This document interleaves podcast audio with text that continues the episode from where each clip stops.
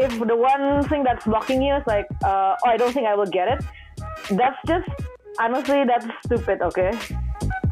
No matter how hard you try, you're still Indonesian, and you need to be proud of that gitu loh.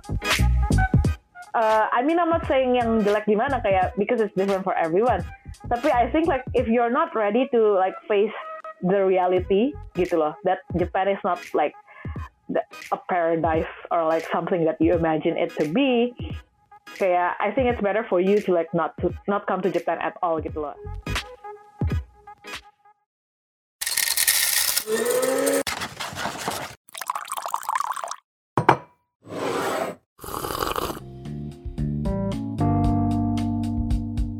You're listening to Podcast Over Coffee. Hello, everyone. Welcome back to this week's podcast episode. I'm your host, Sam, and I hope you're all doing great this weekend. So, uh, hari ini gue ngebawa uh, Cici gue ke sini karena kayak yang gue bilang di episode-episode sebelumnya sempet um, gue bakal ada episode ini tentang living in Japan karena ada banyak myths about living in Japan and yang sebenarnya mesti diklarifikasi menurut gue. And it's pretty uh, fun I guess living in Japan, tapi um, pasti banyak aneh-anehnya juga. So anyways, uh, hello sister, welcome. Hai, aku Fidel, Fidelia, panggilnya Fidel. As you guys must have known, kayak I'm Sam's sister, and I'm currently a fourth year student in Japan. But I also already got a job, so I'm gonna work there after graduation. I mean, I'm gonna work here after graduation. So how is four years in Japan? Gimana ya? Japan is like it's different when you travel here and live here is like two different things gitu. Kalau misalnya kamu ke Jepang buat jalan-jalan, it seems like it's a fun country. Everybody seems so nice. The food is good. Everything is good. Especially if you were like me when I was in junior high school. I used to really like uh, Japanese pop culture, like anime and everything. It was Uh, like I was okay. Tapi kayak apa? It was so fun. Okay, it was a wonderland. But then I started living here, and it's like it's not like that gitu loh. But of course, like uh, I think living abroad, like anywhere, uh, not just Japan ya, tapi kayak other countries too, it'll have the, your own challenges juga. Kayak apa ya? You need to take care of everything by yourself. Like for me, my tough challenges was like not not about the school part yeah. Like the school part I can somehow manage, tapi kayak what's tough for me is the living in somewhere you're not familiar with kind of thing. Kayak for Mhm. example, you need to adult up really fast gitu loh. Kayak maybe kalau misalnya kamu kuliah di Jakarta atau di Indonesia, like your parents can still somehow help you with like housing kan. Or like at Yeah, least cari kos sendiri atau bayar listrik bisa dibantuin bayar. Tapi kayak in Japan you need to like when you move out, you need to find your own place gitu loh. You need to go to the agency directly. You need to uh, take care of everything by yourself. You need to go to the, like the official offices to apply for something. Everything you need to take care by yourself, and it can be pretty challenging gitu loh. Especially kalau misalnya you go to a country that you don't speak the language gitu loh. Mhm. But uh, it was tough, but I guess it was fun because like anyway, you're free here gitu loh. Ya ya. Tell us a bit like how you got there. Maksudnya kok bisa sih you milih kuliah di sana? I don't know. You tell me. so I mean, uh, I thank God I got a scholarship here.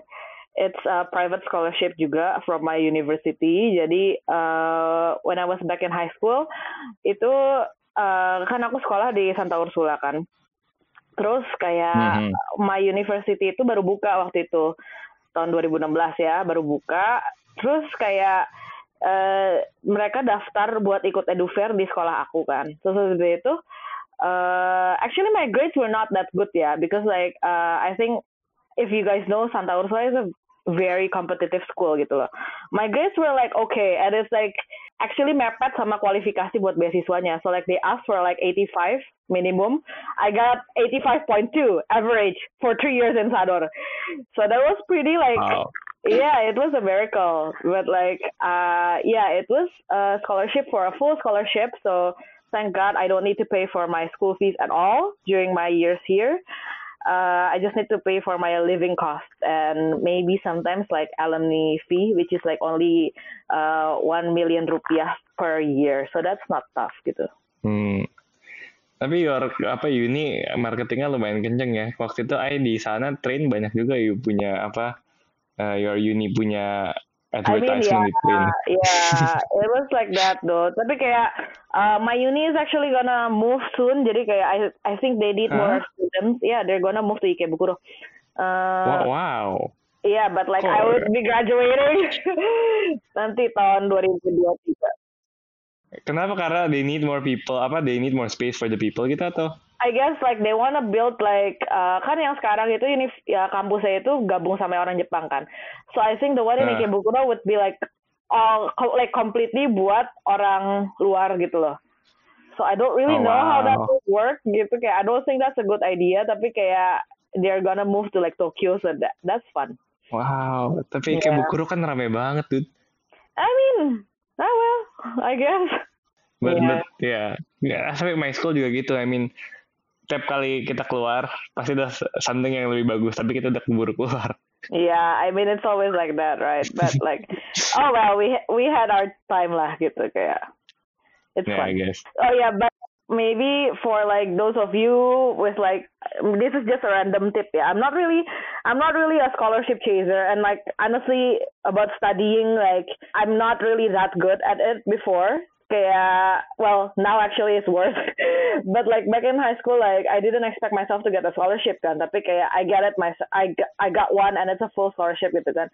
So I think like even if you think your grades are bad if you think like oh I don't think I can apply because like blah blah blah because like I'm not smart enough because I can't study because I cannot make the essay or anything just try you know? Like if you don't get it okay but at least you tried gitu loh because like I I know some of my friends yang kayak their scores are like higher than mine tapi kayak they're like either they're so they're too picky kayak oh gue gue mau ke negara itu gue nggak mau ke bagian itu kalau misalnya emang beneran kayak gitu ya nggak apa-apa juga sih cuman maksudnya if the one thing that's blocking you is like uh, oh I don't think I will get it that's just honestly that's stupid okay just just apply for anything you know I think that's yeah, yeah. the most important thing. Oh, okay. Thank you.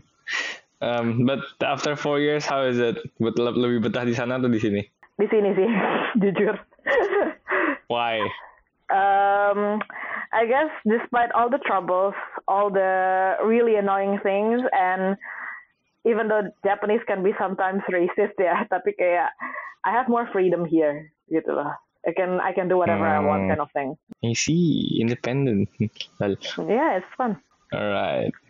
Terus um, as a student di sana enaknya apa sih? I mean life in Japan pas you pertama-tama masuk gitu kan apalagi? Uh, I I think it depends on each person ya. Kayak when you enter university ya wherever you are, kayak you'll get a sense of freedom wherever you are gitu loh. You'll get a sense of freedom and independence gitu kan. Even if you're back in Indo. So like uh, especially kalau misalnya you live somewhere far from your family gitu kan. So like my first and second semester, I was such a goody two shoes. Yeah, I never go out with like I I rarely go out with like people and like hanging out after school. I don't really do that gitu loh. I was thinking like, oh, I got a scholarship, I need to study and something. Tapi kayak uh, that was my first and second semester only. But I saw a lot of my friends yang kayak yang aku bilang tadi gitu loh, kayak mereka free banget gitu kan.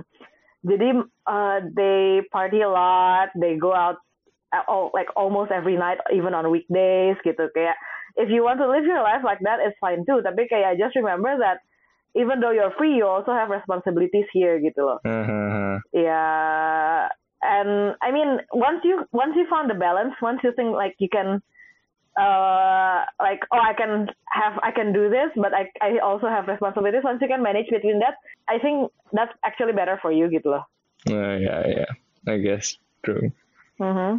Terus di sana um, adaptationnya ribet gak sih maksudnya? Maksudnya? Kan eh, kayak yang tadi bilang kan, yuk ke sana kan ngurus banyak hal sendiri kan. Uh-huh. Uh, in the, during the first months kayak uh, ke bank sendiri, terus juga uh-huh. misalnya adjusting to the peraturan, the norm, apalagi uh-huh. the social life di sana. How hard is it? I mean honestly, it was pretty tough ya. kayak looking back now kayak wow I manage all that gitu loh tapi kayak when you're doing it it's better for you not to think about how tough it is and just do it because it'll be an experience gitu loh it, now if I were to go through that again, the only thing that's stopping me is like, aduh males banget gitu loh.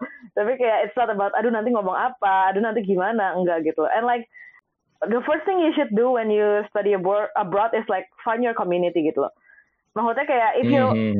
if you wanna if you wanna find kayak kom oh saya nggak mau main sama anak Indo banyak yang kayak gitu kan saya nggak mau main sama orang yeah. Indo saya maunya sama orang luar negeri aja kayak uh, like if you still miss Indomie, you're still Indonesian. Okay, shut up. and anyway, apa?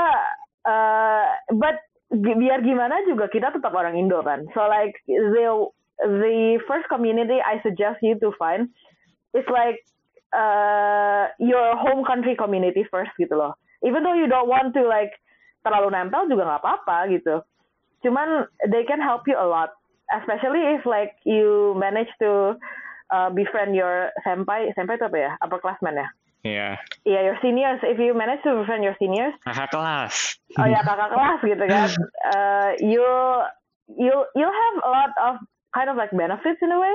Well, you need uh, you need to be humble when you get to know your seniors, of course. Yeah, like oh, you're a newbie. You need you need to have like the spirit, like oh, I don't know anything, so I need to find it by myself kind of thing. Be humble. So uh-huh. like uh, for my case, kayak my seniors helped me a lot actually. Like going to like the official kayak kantor kelurahan di sini gitu loh.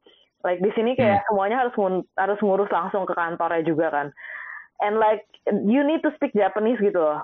Which is very tough kan kayak aku baru satu semester dua semester I cannot speak a single word of Japanese apalagi yang bahasa formal gitu kan yang kayak daftar apa daftar apa like I don't know gitu kan so like my seniors yeah, yeah. help me a lot with that gitu loh kayak oh you need this you need that gitu kan tapi kayak also it's not something you should be scared of juga karena when well mostly ya mostly if you are studying abroad in another country kayak pasti kamu udah udah ada sekolah yang kamu pasti bakal masuk masukin juga kan?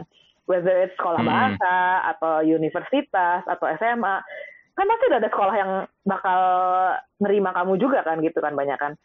Jadi udah bakal diurus gitu loh sama mereka juga. Bakal dibantuin. You just need to go through all the process aja gitu. Tapi kayak it can be tough but like if you're patient you'll be fine you know?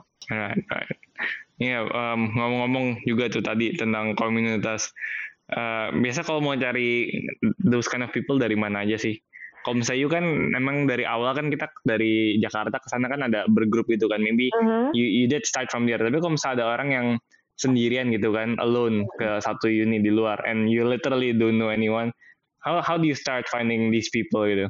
Uh, I suggest kayak kan sekarang juga we have technologies so like either Sama Tinder I mean you could if you want tapi kayak isn't that too soon? I don't know so. If that's if that's your case then like oh well gitu kan? Tapi kayak I suggest like going through Facebook. I didn't do all this by the way. This is just like what I saw my friend did ya kayak mm-hmm. I suggest going to Facebook. I suggest like there's this application kayak di HP I don't know if you guys know or not. It's called Meetup gitu kayak. So like you can find your communities over there gitu. Misalnya kayak oh uh, misalnya even if you don't want to mix with Indonesian people kayak oh I want to find like uh, international community. Udah kamu download aplikasi Meetup itu di situ tuh banyak komunitas misalnya kayak oh kita bakal ada party nih di sini garden party kalau misalnya mau ikut bayar segini. Nanti kamu bisa banyak ketemu orang di situ kan. Habis itu misalnya kayak hmm. oh aku hobinya uh, I don't know like for me knitting maybe. Kayak baking scarves or anything kayak you can also do fun stuff. There's like a new community juga. Kayak that's one way. Kayak there's a lot of ways if you wanna if you wanna find a community you know? Gitu sih. Right right. Yeah, yeah. Oh ya, tadi you kan it takes time for you to apa namanya itu have actually proficiency di bahasa Jepang. Tapi you also said that some of your friends kan nggak bisa Jepang tuh sampai even pas pulang juga mereka tetap nggak bisa bahasa Jepang. Do you do you actually need to learn Japanese to live there? For me, uh, for me personally, I think you do because uh, Japan Japan is a very close of countries ya, country ya sampai sekarang. Jadi kayak hmm. not not a lot of people can speak English gitu loh. So it will really help you kalau misalnya kamu bisa bahasa Jepang gitu kan. Even if it's just the basic, it'll really help you gitu loh. Terus kayak uh, it's either you have friends who can speak Japanese properly and is willing Yeah. to help you all the time and you kayak kalau misalnya aku orangnya nggak enak hati kan and kamu tuh nggak masalah minta tolong sama orang terus oke that's your way gitu tapi kalau misalnya aku personally ya kayak I found that when you speak Japanese even just a little kayak they'll be much kinder to you gitu loh. They'll they'll try to help you a lot gitu kan.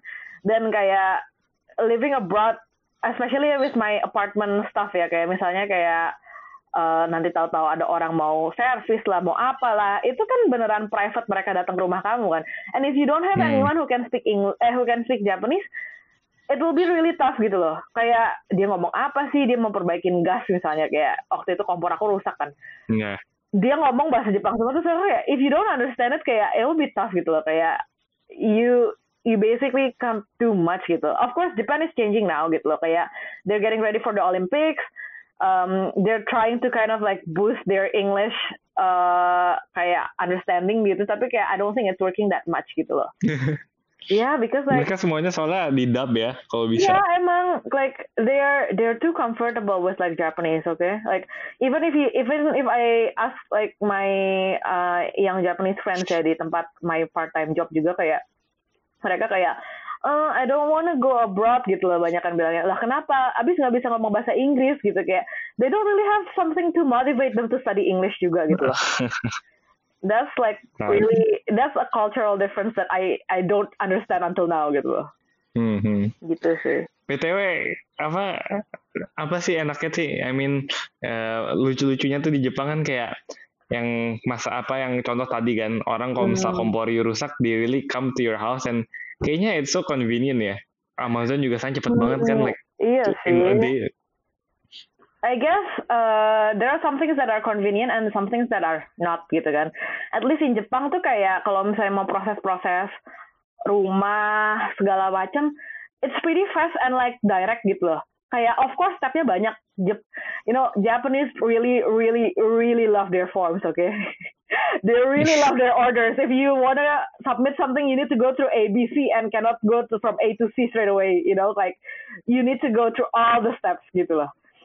Kaku Yeah. banget ya. Iya, it's kaku banget parah gitu kan. Tapi kayak once you do it, kayak it's pretty fast gitu loh.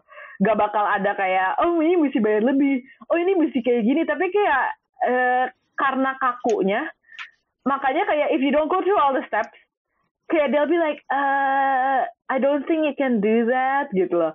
Kayak apa ya? Hmm, eh, misalnya pas yang masalah kompor deh kan tadi aku ngomong juga tentang Ah. kompor kan jadi kejadiannya itu sekitar dua tahun lalu ya apa setahun lalu aku lupa. Pokoknya aku baru pindah ke apartemen baru aku gitu kan. Terus aku sekarang tinggal sendiri gitu loh di apartemen baru. Nah kompor aku tuh rusak gitu loh. Dari awal aku masuk apartemen aja kompor aku tuh nggak bisa dipakai gitu kan. Terus eh i kompor tuh udah termasuk sama fasilitas dari apartemennya gitu loh. Jadi kalau misalnya nggak bisa dipakai kan aku komplain dong. Aku komplain ya. sebulan gak dijawab jawabin. I think you were there too kan ya last year.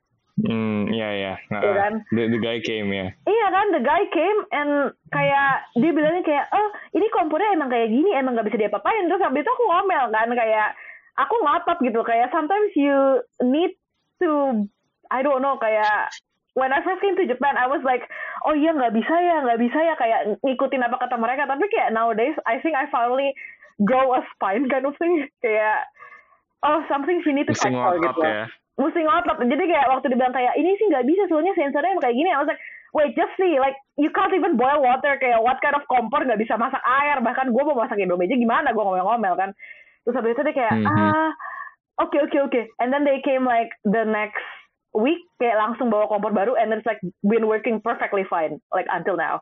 So like some things you need to kind of like fight, tapi some things you need to kind of like oh ya udah gitu loh Ya. You that's not some, that's not something easy though kayak when you're living abroad kayak kan beda culture juga kan jadi kayak Hmm. you need you need some time to kind of like apa ya get the sense kayak ada sense bahwa kayak oh mereka tuh mikirnya caranya kayak gini loh gitu loh so it's not something instant but just enjoy the process gitu loh I think Tapi kayaknya Japanese people mereka punya some sort of quirkiness ya.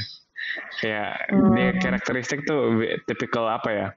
Uh, they have a typical model of Japanese people. Orangnya they really uh, apa want to be private gitu kan kalau misalnya nggak usah ngomong juga mereka nggak mau kan Hmm, true, I guess. Kayak, I think budayanya mereka itu kayak nggak bisa ngomong langsung kan. It's just different from uh, Western people and like Indonesian people juga gitu kan. Kalau orang Indonesia kan kayak berbelit-belit in a way, tapi kayak kadang kalau misalnya emang udah kayak ngelabrak ya labrak gitu kan. kalau misalnya yeah, udah yeah, yeah. ngomong ya ngomong gitu kan. Kalau misalnya Jepang tuh enggak gitu kayak, I think misalnya kayak kamu ditolak nih buat kamu daftar sesuatu. Uh -uh. Bilangnya kayak eh contoh jadi kayak eh uh, enggak gitu. uh, they don't say no to you they don't they never say no to you they'll just say kayak oh well and just say well until you finally get the hint they would never say no to you or like kind of like sub be subtle but also racist kind of thing kayak when I applied for my bank first time I got here they were like hmm. uh it's it's funny though, cause like uh, sometimes people are racist, but sometimes they're nice, even if it's the same institution, even if it's the same bank ya. Jadi kayak I went to yeah. the bank twice gitu loh. Yang pertama buat daftar bikin uh, bank, yang kedua tuh buat ganti alamat gitu kan. And this was during my first year, so I don't know anything about Japanese gitu kan. Kayak I can barely read the kanji and like I can barely talk gitu kan. Terus I came the first time, kayak it's all fine gitu loh. Aku apply buat banknya, bahkan buka accountnya kan maksudnya itu kayak it's quite important gitu kan Mm-hmm. Itu it's completely fine. Bahkan kayak aku dibantuin tulis alamat aku sendiri because it's all in Japanese kan. Aku dibantuin tulis alamat aku sama uh, teller banknya. And then the second time, the second time I came kayak I went alone kan. Terus kayak right off the bat they were like, uh, if you can't read kanji, you cannot do anything. Lah kok gitu gitu. Padahal I already have an account gitu loh. Kok kayak kok uh, jadinya kok dibatasin gitu gitu kan. So like they hmm. don't, they're not really direct gitu loh. But again, that's also depending on the person though. Kayak I've also met Japanese yang kayak bisa langsung ngusir orang atau gimana gitu. Yang pernah ngomel yeah. juga ada. It, it all depends on the person though. I remember the time itu yang pas kita di Matsuya with the guy oh, yang yeah. munggahin. Oh my god, that uh, so yeah, now every time I see that that person, I'll be like. Uh, Dia kerja situ? Masih lah. Gitu. Uh. Yeah, but like I mean, there's a lot of things in Japanese kayak yang you, I mean, we need to honor their culture. We need to understand what they're thinking. Tapi kayak uh, it doesn't mean you need to like conform 100% juga I think ya kayak of course you need to under you need to respect other culture. You need to respect their way of thinking. Tapi kayak just remember that you don't need you don't need to change your stuff for them gitu loh. Ngerti nggak? Yes. Biar gimana kayak even even I I know a lot of people uh, among my kayak friends ya yang kayak they kind of wanna throw away their Indonesian ish atau kayak uh, foreigner status kind of thing kayak oh gue pengen fit in ke Jepang banget gue pengen dianggap orang Jepang. And like for me that's like no matter how hard you try you're still Indonesian and you need to be proud of that gitu loh. Jadi kayak don't don't respect them but don't conform gitu. Kayak even if you want to like be the same with them you'll never be the same anyway gitu loh. Jadi kayak hmm. why try in the first place? Just be proud of who you are and like um, remember your identities aja sih sebenarnya right right. Well that's funny. Nah, tapi because of their personality of juga uh, apa namanya keeping everything kalau bisa to themselves juga I think that's why mereka punya banyak suicide rate ya yeah, I mean. Yeah true. Like you, you how many times have you seen uh, people kill themselves in front I mean, of the train I don't see okay? I don't I never want to see gitu loh. Tapi kayak uh, yeah there's a lot of issues juga gitu kan. So like um I'm not really an advocate. I'm not really an like social justice warrior. Mm -hmm. basically I'm just saying kayak I I had someone I had someone that yeah basically I know someone who kind of like uh, struggled with mental issues. And I know a lot of people who um apa ya kayak who did suicide in like my train line kind of thing. Kayak uh, so in Japan kan banyak banget train line gitu kan. Uh, hmm. dan di train line aku itu for some reason kayak almost every week there's always a suicide gitu loh. Kayak this Monday aja baru ada gitu kan. Terus kayak I was so annoyed kayak oh this Sunday I was going to church and like oh the train was late. And I'm like ah. I mean, um, so when you're living here gitu, like when you live like everywhere else juga sih, anywhere else juga sih. Kayak if you're suffering from something, if you're like uh not about mental issues or anything ya, tapi kayak if you feel sad, if you feel like uh I'm hopeless, why am I always like this or something kayak I just know that apa ya, you're not alone gitu loh. Well, even if you think Hmm. like you're alone in your problems, no, you're never alone gitu loh. Kayak even if you're not religious juga kayak just talk to someone or if like there's no one it, kayak bahkan kalau misalnya nggak ada orang pun kayak just talk to yourself. It's it may sound crazy but it'll help you gitu loh. You know? Yeah. Uh, Mhm. Yeah, the suicide rate in Japan is like that because like they they can't share with anyone. I think ya kayak most of them just deal with it themselves. Lalu budaya malu mereka juga kayak oh kalau misalnya eh, cowok nggak boleh nggak boleh lenje-lenje gitu loh bilangnya kayak nggak boleh manja-manja harus tahan harus kuat harus kayak gini harus kayak gitu atau kalau misalnya cewek cewek mestinya juga kayak gini lu jadi manusia gimana sih gini gini gini gini kayak mereka they're kind of like I think judging themselves juga gitu loh which leads them to kayak be so stressed and they're like Mhm. ya udah kayak death is the only way gitu kan tapi uh, that's not that's not the answer gitu loh ya Yeah. itu what I think aja sih sebenarnya They they really pressure themselves really hard. they are gitu loh kayak and society like the Japanese society also expects like everyone to be the same to conform Mhm. kayak Yeah, yeah, yeah. Iya kan kayak oh you can see that that's oh yeah that's the funny thing about Japan juga ya kayak I think there's no other country in the world yang kayak cinta itu sama conformity selain Jepang Yeah. Right? Like Mm, Uh, yeah, yeah.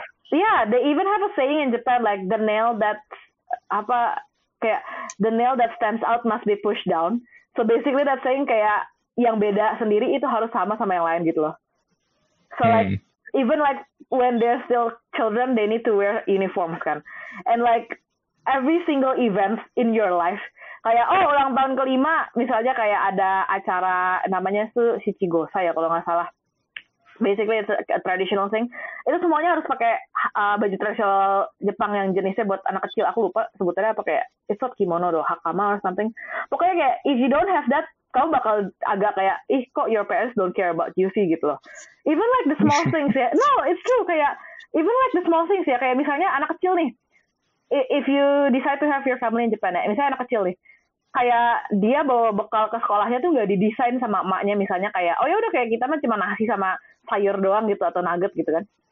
Terus nanti Hmm. gurunya tuh bisa telepon ke orang tuanya "E, kamu sibuk ya? Kok anak kamu bekalnya cuma gini doang sih? Soalnya kayak when your kids come What? yeah when your kids come to school and then they see their classmates kayak wah bekalnya bagus-bagus wah bekalnya lucu-lucu. Kayak ada yang dibentuk boneka ada yang warnanya warna-warni.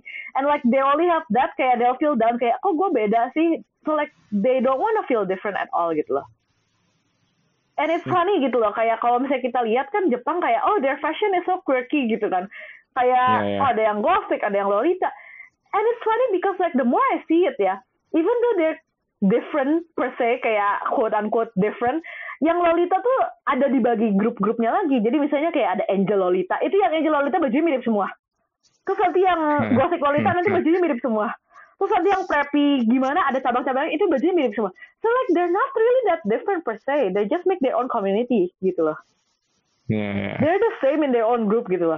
And if you come to Japan kayak uh, nowadays it's kind of hard it's kind of it's kind of hard to see like the kayak Harajuku style ya gimana gimana because it's already past the Mhm. season.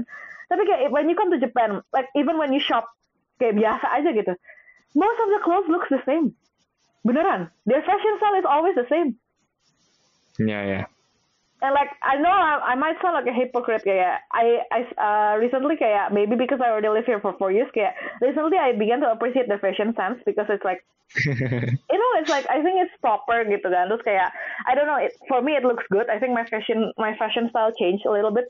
Cuman kayak I can realize that kayak I look the same like everyone else gitu loh. Except for my makeup probably gitu kan. Gitu Yeah, aja yeah. sih Tapi like even pas mau apply job aja kan ada peraturan yang ketat banget kan mesti ini mesti itu. Iya, itu itu parah kayak that's why I told you, oh ya. So job hunting in Japan is very very tough ya. Kayak you basically need to spend kayak you need to invest in some in you need to invest a lot of money just in order for you to find a job. Kayak you need to you need to buy a suit kayak suit satu set yang khusus yang warnanya hitam plus polos kayak jelek gitu loh warnanya kayak eh uh, gak ada bagus-bagusnya. Dan modelnya tuh kayak beneran so kayak culun banget gitu loh. Tapi you need to have that in order to apply for jobs. Because like the company will see like oh this guy wants to conform. This person wants to conform to our to our company. Because like oh look they're so plain. Like they can only be colored by our company's colors kind of thing. That's what they're looking for hmm. gitu loh kayak literally. And like gak cuman baju ya itu berarti juga tasnya juga harus sama gitu loh modelnya gitu ya. Sepatunya juga modelnya hmm. harus sama rambutnya juga harus gimana harus hitam doangan gitu kan. Kuku juga nggak boleh gimana make up aja diaturin tolong gitu loh. Like your eye colors needs to be like this this one is better if you're applying for this company it's better to have like no makeup at all atau kalau misalnya if you're applying for a fashion company you need to be like this kayak it's also detailed. They even have manual books for that okay lebih parah dari apa industrial age pas di western uh, ini ya. I don't know it's like it's it's funny though like literally. It's not it's not that you cannot be different tapi kayak you feel pressured gitu loh. Mm-hmm. to be the same. Iyalah. Kayak Iya iya misalnya kamu beda sendiri gitu kan orang tuh pasti bakal ngeliatin gitu loh. Kan nggak enak kan? Even though kayak enggak gue bodoh amat. I think ya kayak no one can completely be bodoh amat gitu loh ya, ngerti ya. sih? The pasti pressure terpressure lah. Pasti pasti gitu kan. Kayak iya yeah, it's it's changing in a way. Tapi kayak uh, it's gonna be far from like completely change ya. Makanya aku bilang uh, biar gimana kita tuh pasti bakal beda. Waktu kita di negara orang lain tuh pasti kita beda gitu loh. Ya kan? So like hmm. The only thing you can do to help you kind of like relax and let your guard down is find a community or like maybe just a group of friends that you can actually trust gitu loh just like not even a group of friends deh kayak just one friend aja deh yang kayak kau bisa ngobrol, kau bisa nyantai kayak oh ya udah gitu loh. They'll they'll really help you, you know. Mm-hmm. Gitu sih. Right, right. Nah, now I I want to do a bit of ini apa myth busting. Mm-hmm. Karena yang tadi uh, I bilang kan ada yang kita kira Japan tuh country-nya gimana, but in reality is really different kan. Mm-hmm. Let's start with ini deh. Traveling to Japan sama living in Japan yang tadi you sempat singgung juga sedikit kan. Bedanya apa sih? uh, apa ya traveling in Japan like I told you before ya kayak it's so nice gitu kan kayak I don't know but like I think uh, recently a lot of Indonesian travel ke Jepang kan ya enggak mm-hmm. Dan uh, oh I also work as a tour guide juga kadang gitu kan. So like I know a lot of people from Indonesia travel to Japan. And every single one of my client tuh kayak, oh Jepang bagus banget ya rapi gini gini gini gini. Duh enak deh tinggal di Jepang. And then suddenly sometimes I have some friends yang aku ketemu. That, jadi mereka tinggal di Indo, mereka travel ke Jepang, mereka ketemu aku. Pas balik ke Indo tuh ada yang nanya kayak, Del, cara ke Jepang tuh gimana ya? Tinggal di Jepang gimana sih? It's different, oke? Okay? Kayak, I'm not saying you cannot come here, no. Tapi kayak if you think Japan kayak oh everyone is so nice they'll help you even if you don't understand their language no you're wrong gitu loh oke okay? you are wrong yeah, yeah. oke okay?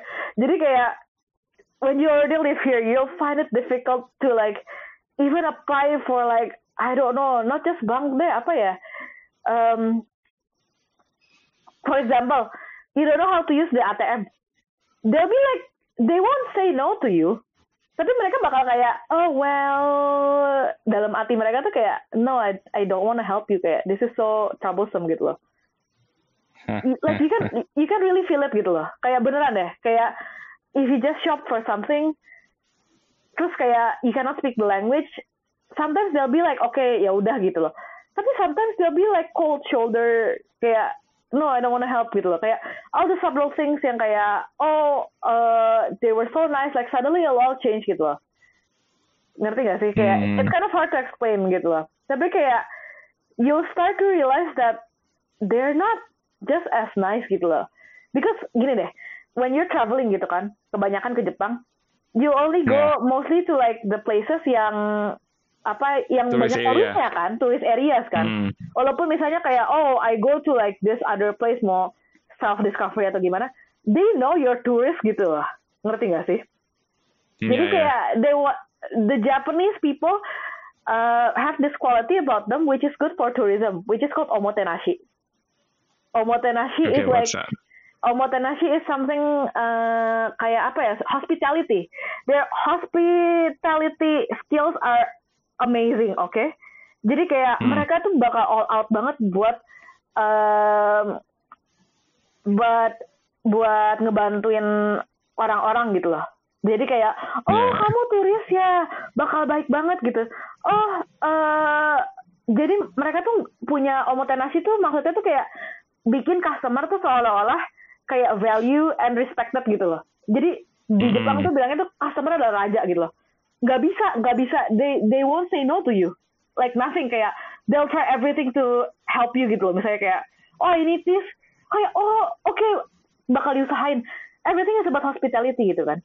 Makanya kayak ketika orang jalan-jalan ke Jepang, mereka bakal ngerasa kayak oh my god everybody is so nice kayak gue dibantu banget misalnya barang hilang aja lah ketemu gini-gini iya because they know you're tourist gitu loh because like Mhm. they want you to be satisfied as a customer gitu loh And they want you to put money in them basically. Iya, basically Gila gitu ya. kan. Basically, even if it's like secara nggak langsung sekalipun gitu loh. Kayak they know you're important to their country in a way. Yeah, Kayak yeah. you visiting Japan is important for their GDP gitu loh. In a far kayak more broad sense kayak they know that gitu loh. Tapi once they know that like kan beda kan pasti nanyanya kalau misalnya kita bukan orang turis gitu kan. Makanya kita Mhm. bakal berurusan ke bank lah, ke mana lah. Itu bakal beda gitu loh. Kayak, hah lu nggak bisa? Ngapain sih di Jepang gitu loh. Kayak mereka banyak yang ngerasa kayak gitu loh. Ngerti nggak sih? Yeah, yeah. kayak apaan sih lu ngerepotin doang kayak misalnya kayak ah lu cuman dan kita kan di Jepang kan emang dikasih asuransi kan gitu loh buat orang luar negeri sekalipun gitu kan which is kita juga harus bayar gitu kan mereka bakal ngerasa kayak lu ngabisin lu ngapain sih di Jepang kayak ngabisin resource negara aja kadang ada yang mikir gitu loh apalagi orang-orang tuanya gitu ya jadi kayak Mhm. once you actually live here, that sense of omotenashi, that sense of like hospitality will be gone gitu loh. You wouldn't be treated as a customer. You'd be treated the same as like everyone else or even worse gitu loh. Ngerti nggak? Yeah, yeah. So this is Issue this, memang parah ya. iya makanya kayak this is this might be hard to understand but like their omotenashi is just like a face they keep for foreigners gitu loh. Ngerti nggak sih? When you actually live here, not just buat orang Indonesia ya, buat orang bule sekalipun itu tuh susah gitu loh. A lot of them like I cannot I gave up with Japan. Banyak yang kayak gitu loh. Hmm. So like if you Wow. really want if you really wanna go here kayak think about it gitu loh. Mhm. Really really think about it. Gitu aja sih. Alright, right. Oke, um, kita close this with ini deh. Do you have any other tips besides yang tadi udah sebutin for like people yang lagi deciding mau kuliah di Jepang atau even stay in Japan? Oh, tips. Um, again, kayak well, this is just probably a summary gitu sih ya. Kayak really think about it again. What's your motivation? What's the one thing that keeps you going? Kayak. Why do you wanna come to Japan? If you just say kayak, oh, gue suka anime, gue suka Japanese food, gue suka orang-orang Jepang. No, that's not strong enough. Okay, that's not strong enough. kayak you really need to find something gitu loh. Maybe it's not it's not even one big thing gitu ya. Kayak oke lah, maybe for starters you can say like, ya udah gue suka sama orang Jepang. Oh, I like their culture gitu kan.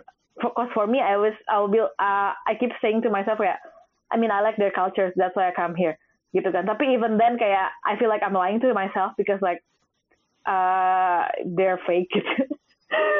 But like Yeah, basically you need to kayak sediain reasons for you to like keep going when you stay in Japan? Because like I mean it's good if you if you have the capability untuk kayak ke Jepang setahun, satu tahun dua tahun and then you can this when you decide you have enough you had enough kamu balik Indonesia uh, bisa dengan maksudnya you have the resources for that maksudnya kayak you have the Mm-mm. money for that that's good gitu. Tapi kayak I know a lot of people juga yang kayak mereka ke Jepang terus abis itu kayak mereka nggak suka and they feel like they're stuck here gitu loh. Terus yang ada malah jadi benci sama Jepang and I was like then why did you come here in the first place? Gitu loh. Kayak uh, I mean I'm not saying yang jelek gimana kayak because it's different for everyone. Tapi I think like if you're not ready to like face the reality gitu loh that Japan is not like the, a paradise or like something that you imagine it to be kayak I think it's better for you to like not to not come to Japan at all gitu loh as living in living in here gitu ya maksudnya ya terus Mhm. kayak kalau misalnya study abroad in general find your community sih gitu loh. Even if like oh but I'm an introvert yeah that's fine gitu loh. Find at least one person lah gitu loh. And like even if you're not religious even if like uh misalnya kayak I don't really go to church I don't really go to like mosque I don't really go to like any religious activities kayak uh, trust me you need them gitu lah even gini Yeah, deh yeah. nggak usah ngomongin religionnya deh they will help you gitu loh ngerti nggak sih Ya ya. they Mhm. will really help you and like it's um I guess the thing about religion is this is kind of bad gitu loh kayak if you're really uh if you're really believe if you really believe in one God gitu loh kayak uh you are obliged to be nice to people especially in like religious facilities gitu kan kayak mosque or Yeah, church or like I don't know kayak vihara segala macam kan kayak orang-orang pasti baik kan. Jadi even if they like silently judging you they'll still help you gitu. loh so you can use that so you can they're use that forced to do it. they're forced to do it but they'll still help you okay and you need all the help you can get Tapi Gitu orang sih. pendeta is actually really apa baik Yeah, banget kan. They're- Dikasih sembako emang- kemarin emang. berapa kilo tuh pasta Oh, you got. like No. uh, because of the corona thing kayak aku nggak bisa part time job Hmm. di Jepang kan oh ya yeah, that's one thing nice about Japan kayak kalau misalnya di Cina sama di beberapa negara lain kayak you cannot freely do part time jobs right I think Ya. Ya kan? Tapi di Jepang you can do part time jobs. Just make sure you're under the limit or not your your visa will be kayak trouble lah gitu loh. Jadi kayak uh, limitnya itu buat student itu kalau misalnya bulan-bulan biasa bulan-bulan sekolah 28 jam per minggu. Tapi kalau misalnya buat pas lagi uh, summer break atau winter break itu bisa 40 jam seminggu. So like if you really want to earn money like do that. Oh ya uh, Wow. ya tapi Right, kayak right. tapi gara-gara corona itu uh, I cannot do ini kan. I cannot uh, do part time jobs terus kayak it's not like I don't have the money tapi kayak it's getting my savings are getting a little bit thin gitu kan. Terus kayak I was like aduh beli beras gak ya? Gitu loh. It's not like I don't have any other food tapi kayak uh, ya I'm- I just couldn't be bothered in a way gitu kan.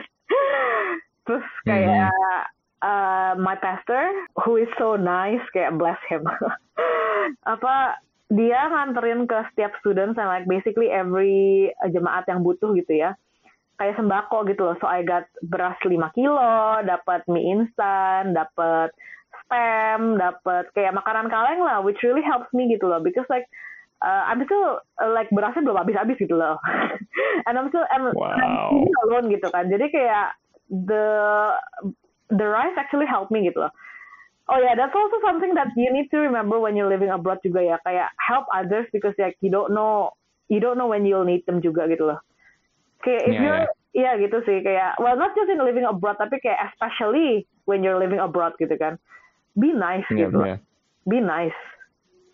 Gitu sih. You, you'll need to help each other karena sama-sama pendatang nih. True. And that's like sadly something that I cannot see with Indonesian students ya, especially gitu loh. Kayak uh, I saw other countries kayak Vietnam gitu kan. Vietnam is more struggling like Vietnamese struggle more than us gitu loh, honestly, than Indonesian students.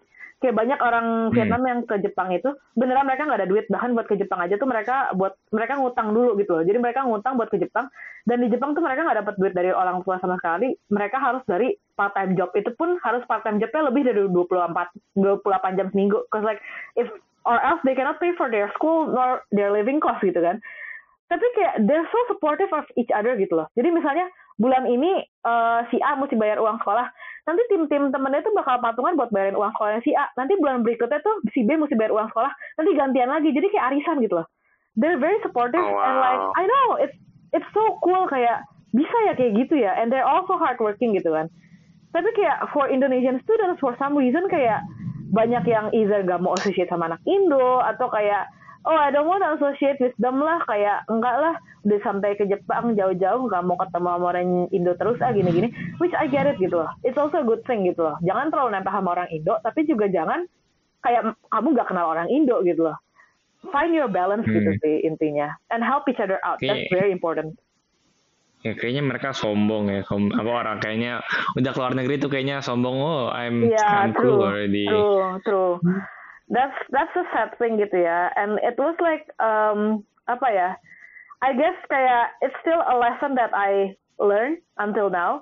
Kayak eh, I mean back then kayak semester satu semester dua bukannya aku ngejauh dari orang Indo sih enggak sih. Cuma menurutnya kayak uh, I was more focused on myself on like oh I need to study I need to like do this I need to do that I need to kayak I focus more on myself and I don't socialize that much gitu kan terus kayak makin setelah semester satu semester dua kelar I realize kayak oh I can relax more kayak I need to socialize too gitu kan. Terus sampai sekarang juga it's something that I need to learn gitu loh especially to my uh, underclassmen kayak adik kelas gitu kan. Kayak they say that my face is scary. So they every time they need to ask for help from me kayak sometimes some of them are like agak takut-takut gitu loh. And I'll hmm. be like no you don't need to be afraid. Kayak honestly if it's something that um, if you're not an annoying person ya maksudnya kayak yang dikasih tahu nggak bisa dengar atau yang nanya berkali-kali. Tapi kayak if you need help even if it's like kayak Del uh, bisa tolong bacain ini nggak? Ini maksudnya suratnya ngapain ya? Gitu kayak I'd be happy to help gitu loh. I've been in your position before and like uh, I can help you gitu if I can help you I'd help you in any way I can juga gitu kan. So that's really something that you you really need to remember aja sih gitu loh. Bahwa just help each other because like you never know when you need the help juga gitu kan. Yeah, yeah. Mm -mm. all right. uh, well thank you dude for coming in for this episode. You're welcome. it was really fun talking. Yeah do you are you gonna promote me or not? Yeah okay you want me to promote IG you apa? Just just tell me. Uh, I don't use IG that much anymore lately tapi kayak if you have any question or anything kayak uh, just at my IG at Fidel Videl. So that's like F E D E L uh, V D E L. Can you get it? Okay. Yes. Okay. that's IG mm-hmm. gitu sih yeah.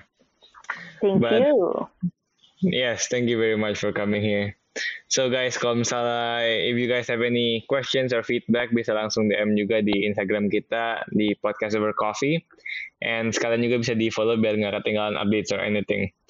And yeah, thank you for listening and tuning in for this week's uh, episode. And I'll see you next time. Bye. Bye.